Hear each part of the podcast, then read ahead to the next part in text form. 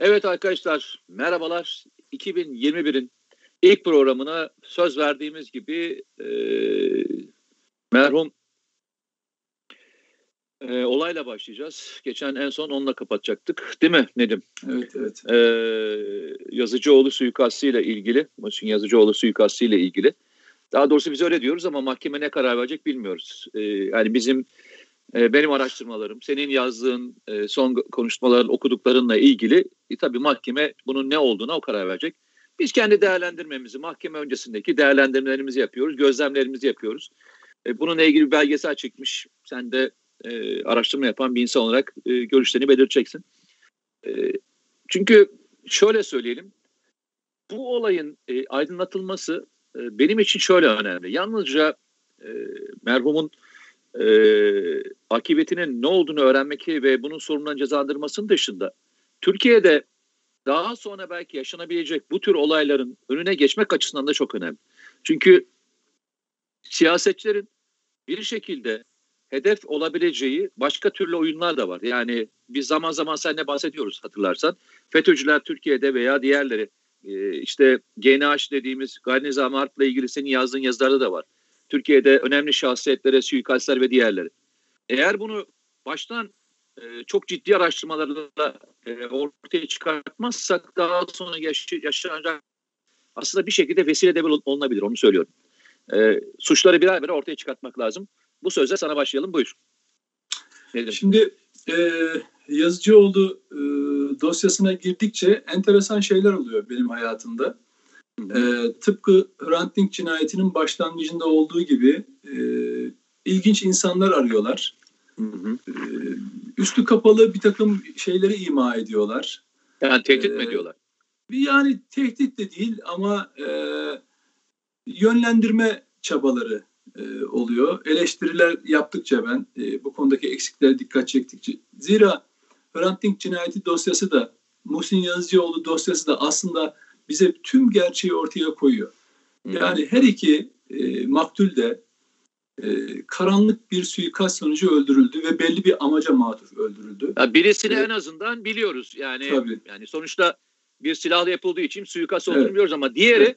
kaza diğeri, süsü verilmiş bir şey ve Aynen. ne olduğu ortaya çıkmadı. Tabii. İşin şey tarafı, e, muamma tarafı o. Ama ikisinin ortak bir özelliği var. Oradan başlamak lazım. Muhsin e, Yazıcıoğlu ve Hrant Dink daha öldürülmeden önce daha öldürülmeden önce FETÖ'cülerin kontrolünde olan İstihbarat Daire Başkanlığı içinde oluşturulmuş e, yasa dışı C5 isimli bir ofis tarafından, bir büro tarafından takibe alınmış. C, C, C büro nedir İstihbarat Daire Başkanlığı'nda? E, İltica. E, e, sağ terör sağ terör ve e, e, azınlıklar masası. Hı hı. Şimdi oradan başlamak gerekiyor aslında. Muhsin Yazıcıoğlu neden istihbarat daire başkanlığı tarafından takip edilir? Hangi terör faaliyetine katılmış olabilir?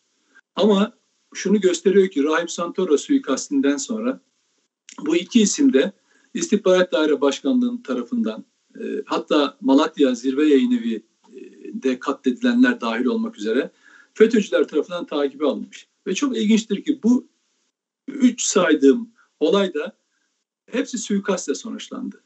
Olay oradan başlamak lazım. C5 bürodan başlamak lazım. Peki. Yani Yazıcıoğlu neden FETÖ'cülerin takibine alındı?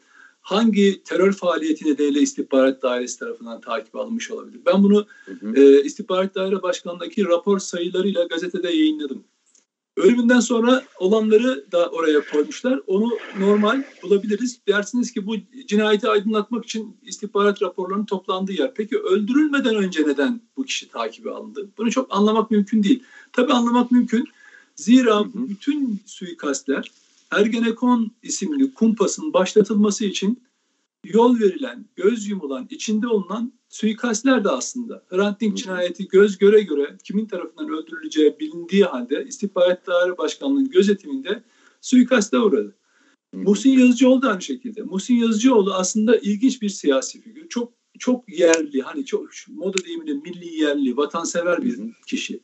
1980 e, öncesi yaşanan olaylarda siyaseten yer almış, hapisler yatmış ama bunun bir emperyalist kurgu olduğunu, sağ ve sol diye insanların bölünerek e, Türkiye'de ayrımcılık yapıldığını ve işte darbeye giden sürecin zemininin hazırlandığını söylemiş. E, siyaseten de herkese de yakın durmuş ulusal e, düzeyde e, ve gün gelmiş e, Hrant Dink cinayetinden sonra bir gerçeği tespit etmiş. O da bizim tarla sürüldü diye kelimesiyle aslında özetlenebiliyor. Nedir o? Büyük Birlik Partisi çevresi de bir takım insanlar istihbarat daire başkanlığına ajan olarak e, kaydedilmiş ve bu kişiler Hrant Dink suikastinde aşağı yukarı rol, aldıkları mahkeme kararlarıyla zaten ispatlandı ve Muhsin Yazıcıoğlu aslında bu cinayetin arkasındaki şifreyi çözmüş bir isim. Nitekim Fatih Altaylı ile yaptığı bir televizyon programı var. Orada da söylüyor biliyorsunuz devletin içinde bir yapı varsa bununla en etkili şekilde e, mücadele edilmeli diye. Yani burada aslında Muhsin Yazıcıoğlu neyle karşı karşıya olduğunu da biliyor. Hatta Hı. aynı Fethullahçı terör örgütünün elemanları e, 2007 seçimleri öncesi kendisine gelip muhalif partilerden bazılarıyla ittifak yapması gerektiğini ve böylece e, AKP'nin oylarının aşağı indirileceğine dair e, bir projeksiyon sunduklarında bunun e, yürümeyecek bir proje olduğunu söyleyen kişi bunu bana kim anlattı? İşte bu deminden bahsettiğim süreçte Muhsin Yazıcıoğlu'nun yardımcısı olan, genel başkan yardımcılarından olan birisi şu anda milletvekili. O kişi anlattı. Yani Muhsin Yazıcıoğlu kullanılmak istenen bir e, figürdü, siyasi figürdü ama o buna direndi. Gerçeği gördüğü için direndi. Ve sonunda FETÖ'cüler tarafından e, e, bir anlamda alan temizliği yapıldı ve ilginçtir yine e, Ergenekon kumpasının e, içine katılmak istendi. Öyle ki e, Malatya e, bu suikastten sonra Malatya e, Cumhuriyet Savcılığı ki o zaman özel yetkili mahkemeler vardı hı hı. FETÖ'cülerin kontrolünde biliyorsun. Orada bir soruşturma yürütüldü ve tamamıyla Ergenekon tarafından öldürülmüştür. E, algısı yaratmak için sayısız e, ihbar mektupları, yalancı tanıklar, gizli tanıklar kullanılarak bir örgü oluşturulmaya çalışıldı. Fakat 17-25 Aralık e, operasyonlarıyla e, hükümet cemaat çatışması ya da işte paralel yapı denilen olgu ortaya çıkınca özel yetkili mahkemeler kaldırıldı. İlginçtir dosya Kahramanmaraş Cumhuriyet Savcılığına geldi 2014 yılında ve işte tam o aşamada Fethullahçı terör örgütünün bu dosyadaki müdahilliği açığa çıktı. E, oradaki savcıların, iki savcı, soruşturma yürüten savcılar çok kemik FETÖ'cülerdi. Aynı zamanda bu dosyada sanık olan e, helikopterden elektronik cihazları söken iki tane asker vardı. Davut Uçun, Aydın Özsıcak. Ki bunlar 15 Temmuz darbe girişiminde Cumhurbaşkanı Erdoğan'a suikast için Marmaris'e giden ekibin içindeydi. Bunların o e, cihazları söktüğü ortaya çıktı. Bunların avukatlığını meğer Mustafa Atalar isimli bir avukat üstlenmiş. Bu da FETÖ'nün kritik elemanlarından bir tanesi bölgede. Bunun ortaya çıkması tabii büyük bir infiale yol açmış.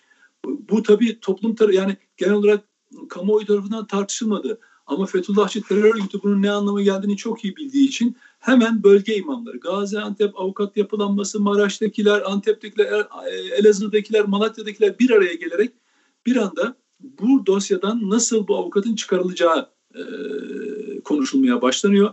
Toplantılar yapıyor. Biz bunu nereden öğreniyoruz? E, 2018 Baylok Mayıs'ında May, hayır 2018 Mayıs'ında Abdullah Önder isimli o toplantılara katılan bir FETÖ'cü itirafçı olunca öğreniyoruz. İsim isim veriyor. İşte e, bölgedeki e, hakim savcı yapılanmasından sorumlu olan kişiler, e, efendim Malatya'dan ve bu işin çok ilginç bir şekilde Abdullah Önder verdiği ifadede e, toplantılar yapıldığını anlatıyor.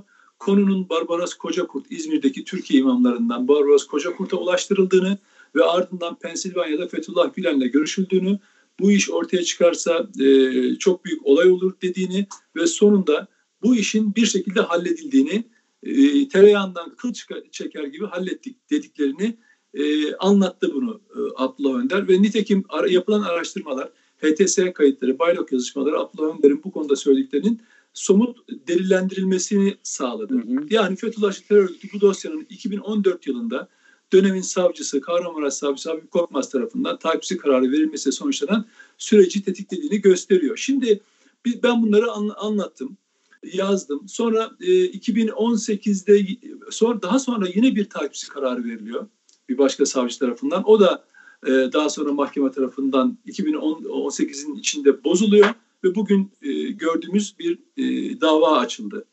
Abdullah Önder ilginç bir isim bütün FETÖ'nün Yazıcıoğlu suikastindeki rolünü değişik e, örneklerle anlatıyor Mete.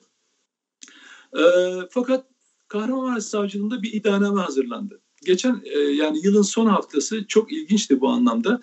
E, Yargıtay 5. Ceza Dairesi'nde bazı içinde bir tane FETÖ'cü e, Gürsel Aktekin e, e, ismini Aktepe özür dilerim. Gürsel Aktepe isimli e, istihbarat daire başkanlığında önemli bir üst düzey görevli olan e, bir polis itirafçı olmuştur bu da. FETÖ, için, FETÖ içinde çok önemli bir Pensilvanya gittiğini anlatmıştır. İstihbarat Daire Başkanlığı'nda e, FETÖ'cüleri tek tek isimleriyle söylemiştir.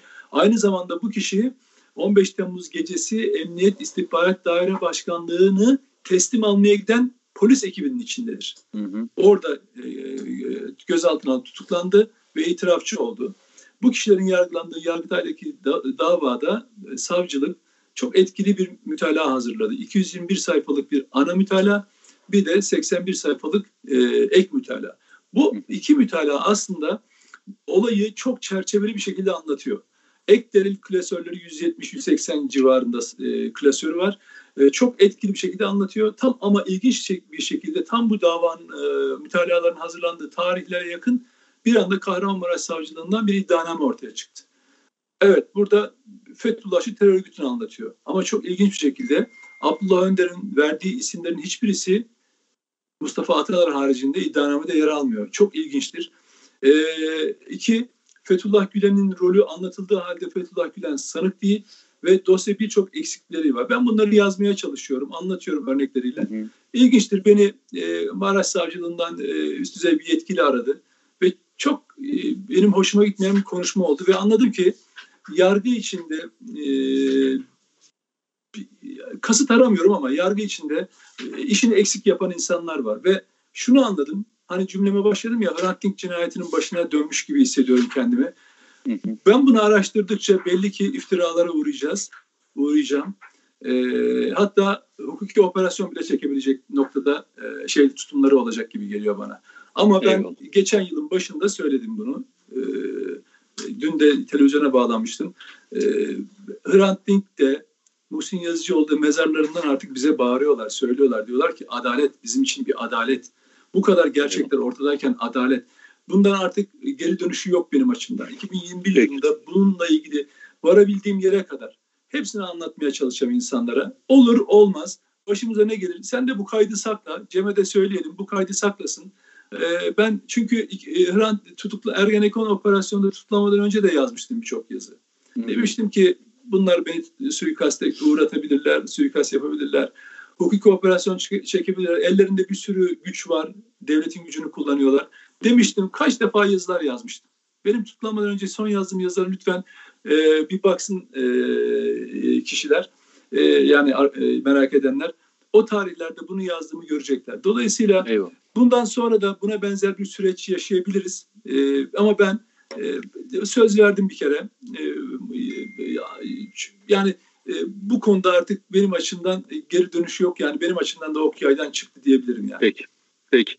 Ee, çok teşekkür ederiz ee, Nedim. Ee, özellikle girmek istedim bu konuya. Ben de çok fazla kesmeden seni e, dinledim. Ee, inşallah e, bu konu e, gerçekten aydınlatılır. Çünkü her aydınlatamayan e, dosya bir sonra Türkiye'nin başına daha büyük bela oluyor. E, belki o dönemde bu dosya tam aydınlatılabilmiş olsaydı e, 15 Temmuz suikastine giden süreç bile değil mi? O 15 Temmuz'da yaşanan süreçlerin içerisinde Cumhurbaşkanı'na suikast için gidenlerin bir kısmı e, deşifre olmuş. Belki bu olaylar şöyle, şöyle 15 Temmuz'a gitmeden e, halledilmiş olacaktı. Çok Buyurun. özür dilerim. Yani bu hani tabii düşünsel olarak bir varsayım. E, buna şey yapabiliriz. Böyle bir varsayım da bulunabiliriz. Ama Hı-hı. bunun imkanı ve ihtimali sıfırdan daha düşük. Neden? Peki. Çünkü adamlar devlet olmuş. Yani FETÖ aslında devlet olmuş. Bunu yapma imkanınız yok. Sen geçmişten Aslında, bahsediyorsun. Geçmişten tabii, bahsediyorsun. O, o, yani okay. o dönemden diyorsun ya aydınlatabilseydi. Aydınlatılma ihtimali yok. Aksine Anladım. Bu dosyaya Hayır bu eden 2014'ten sonra da yani e, işte 15 Temmuz'da şey 17-25 e, Aralık'lar sonra da bu işlere onu da, onu da söyleyeyim. Onu da söyleyeyim. E, yargıda 4500 tane Fethullahçı terör örgütü üyesi, savcı ve hakim vardı. 17-25 Aralık 2013 ile 15 Temmuz 2006 arasında yani yaklaşık 2-2,5 yıllık dönem içerisinde hı hı. bu 4500 kişiden sadece 64 tanesi görevden uzaklaştırılabildi. Anladım. 15 evet. Temmuz gibi bir kalkışma nedeniyle Fethullahçı terör örgütünün silahlı terör örgütü olduğu artık çok netleştiği için ertesi gün yani 16 Temmuz sabahı 3200'e yakın e, Fethullahçı ancak açığa alınabildi. Şöyle düşünün e, e, 17-25 Aralık operasyonuna katılmış bir sürü hakim savcı bile bazıları kaçtı ama hala yargı içindeydi ve ilginçtir o süreç içinde o iki buçuk yıllık 2016'ya kadar gelen süreç içinde bazıları mahkeme kararıyla ki üst mahkemelerde de e, Fethullahçılar vardı. iade kararları üst üste gelmeye başlamıştı. 15 Temmuz darbe girişimine kalkışınca bütün süreç tersine döndü. Yani bizim e, Fethullahçı terör örgütüyle asıl savaşımızın, toplum olarak savaşımızın ve değerlendirmelerimizi yapmamız gereken 2016 diyorsun. bir tanesi 15 Temmuz 2016. 2016. Peki. Çok teşekkür ederiz. E, 2021'e başladık arkadaşlar. E, hızlı bir şekilde başladık. E, anladığım kadarıyla e, en çok konuşulacak konulardan bir tanesi Muhsin Yazıcıoğlu'nun e, akıbetinin yani o olayın akıbetinin araştırılması olacak. E, bunu çok konuşacağız. E, yargı bir yerden başlamış inşallah. E, çünkü sonuçta iddianame sırasında ek iddianameler hazırlanabiliyor benim bildiğim kadarıyla. Doğru mu? Yani bununla ilgili muhtemelen ek iddianameler hazırlanabilir. E, en azından bizler bildiğimiz, gördüğümüz şeyleri e, bunun içine dahil etmek için çabalayacağız. Bir mücadelemizi yapacağız. Kendinize iyi bakın. E, sağlıcakla kalın. E, inşallah 2021'de e, diğer programlarla önümüzdeki hafta içinde diğer programla görüşmek üzere diyorum. Bu kadar mı Mete? Saygılarla, sevgilerle. Bu kadar mı? E, e, bu kadar. E, bugün tamam. bantları, bantlarımız kısa biliyorsun. Bantları peki. kısa kesiyoruz. Tamam okay, görüşürüz. Peki. Ama çok sağ daha uzayacak bu. Çok teşekkür ederim. İnşallah. İnşallah sağ olasın. Sağ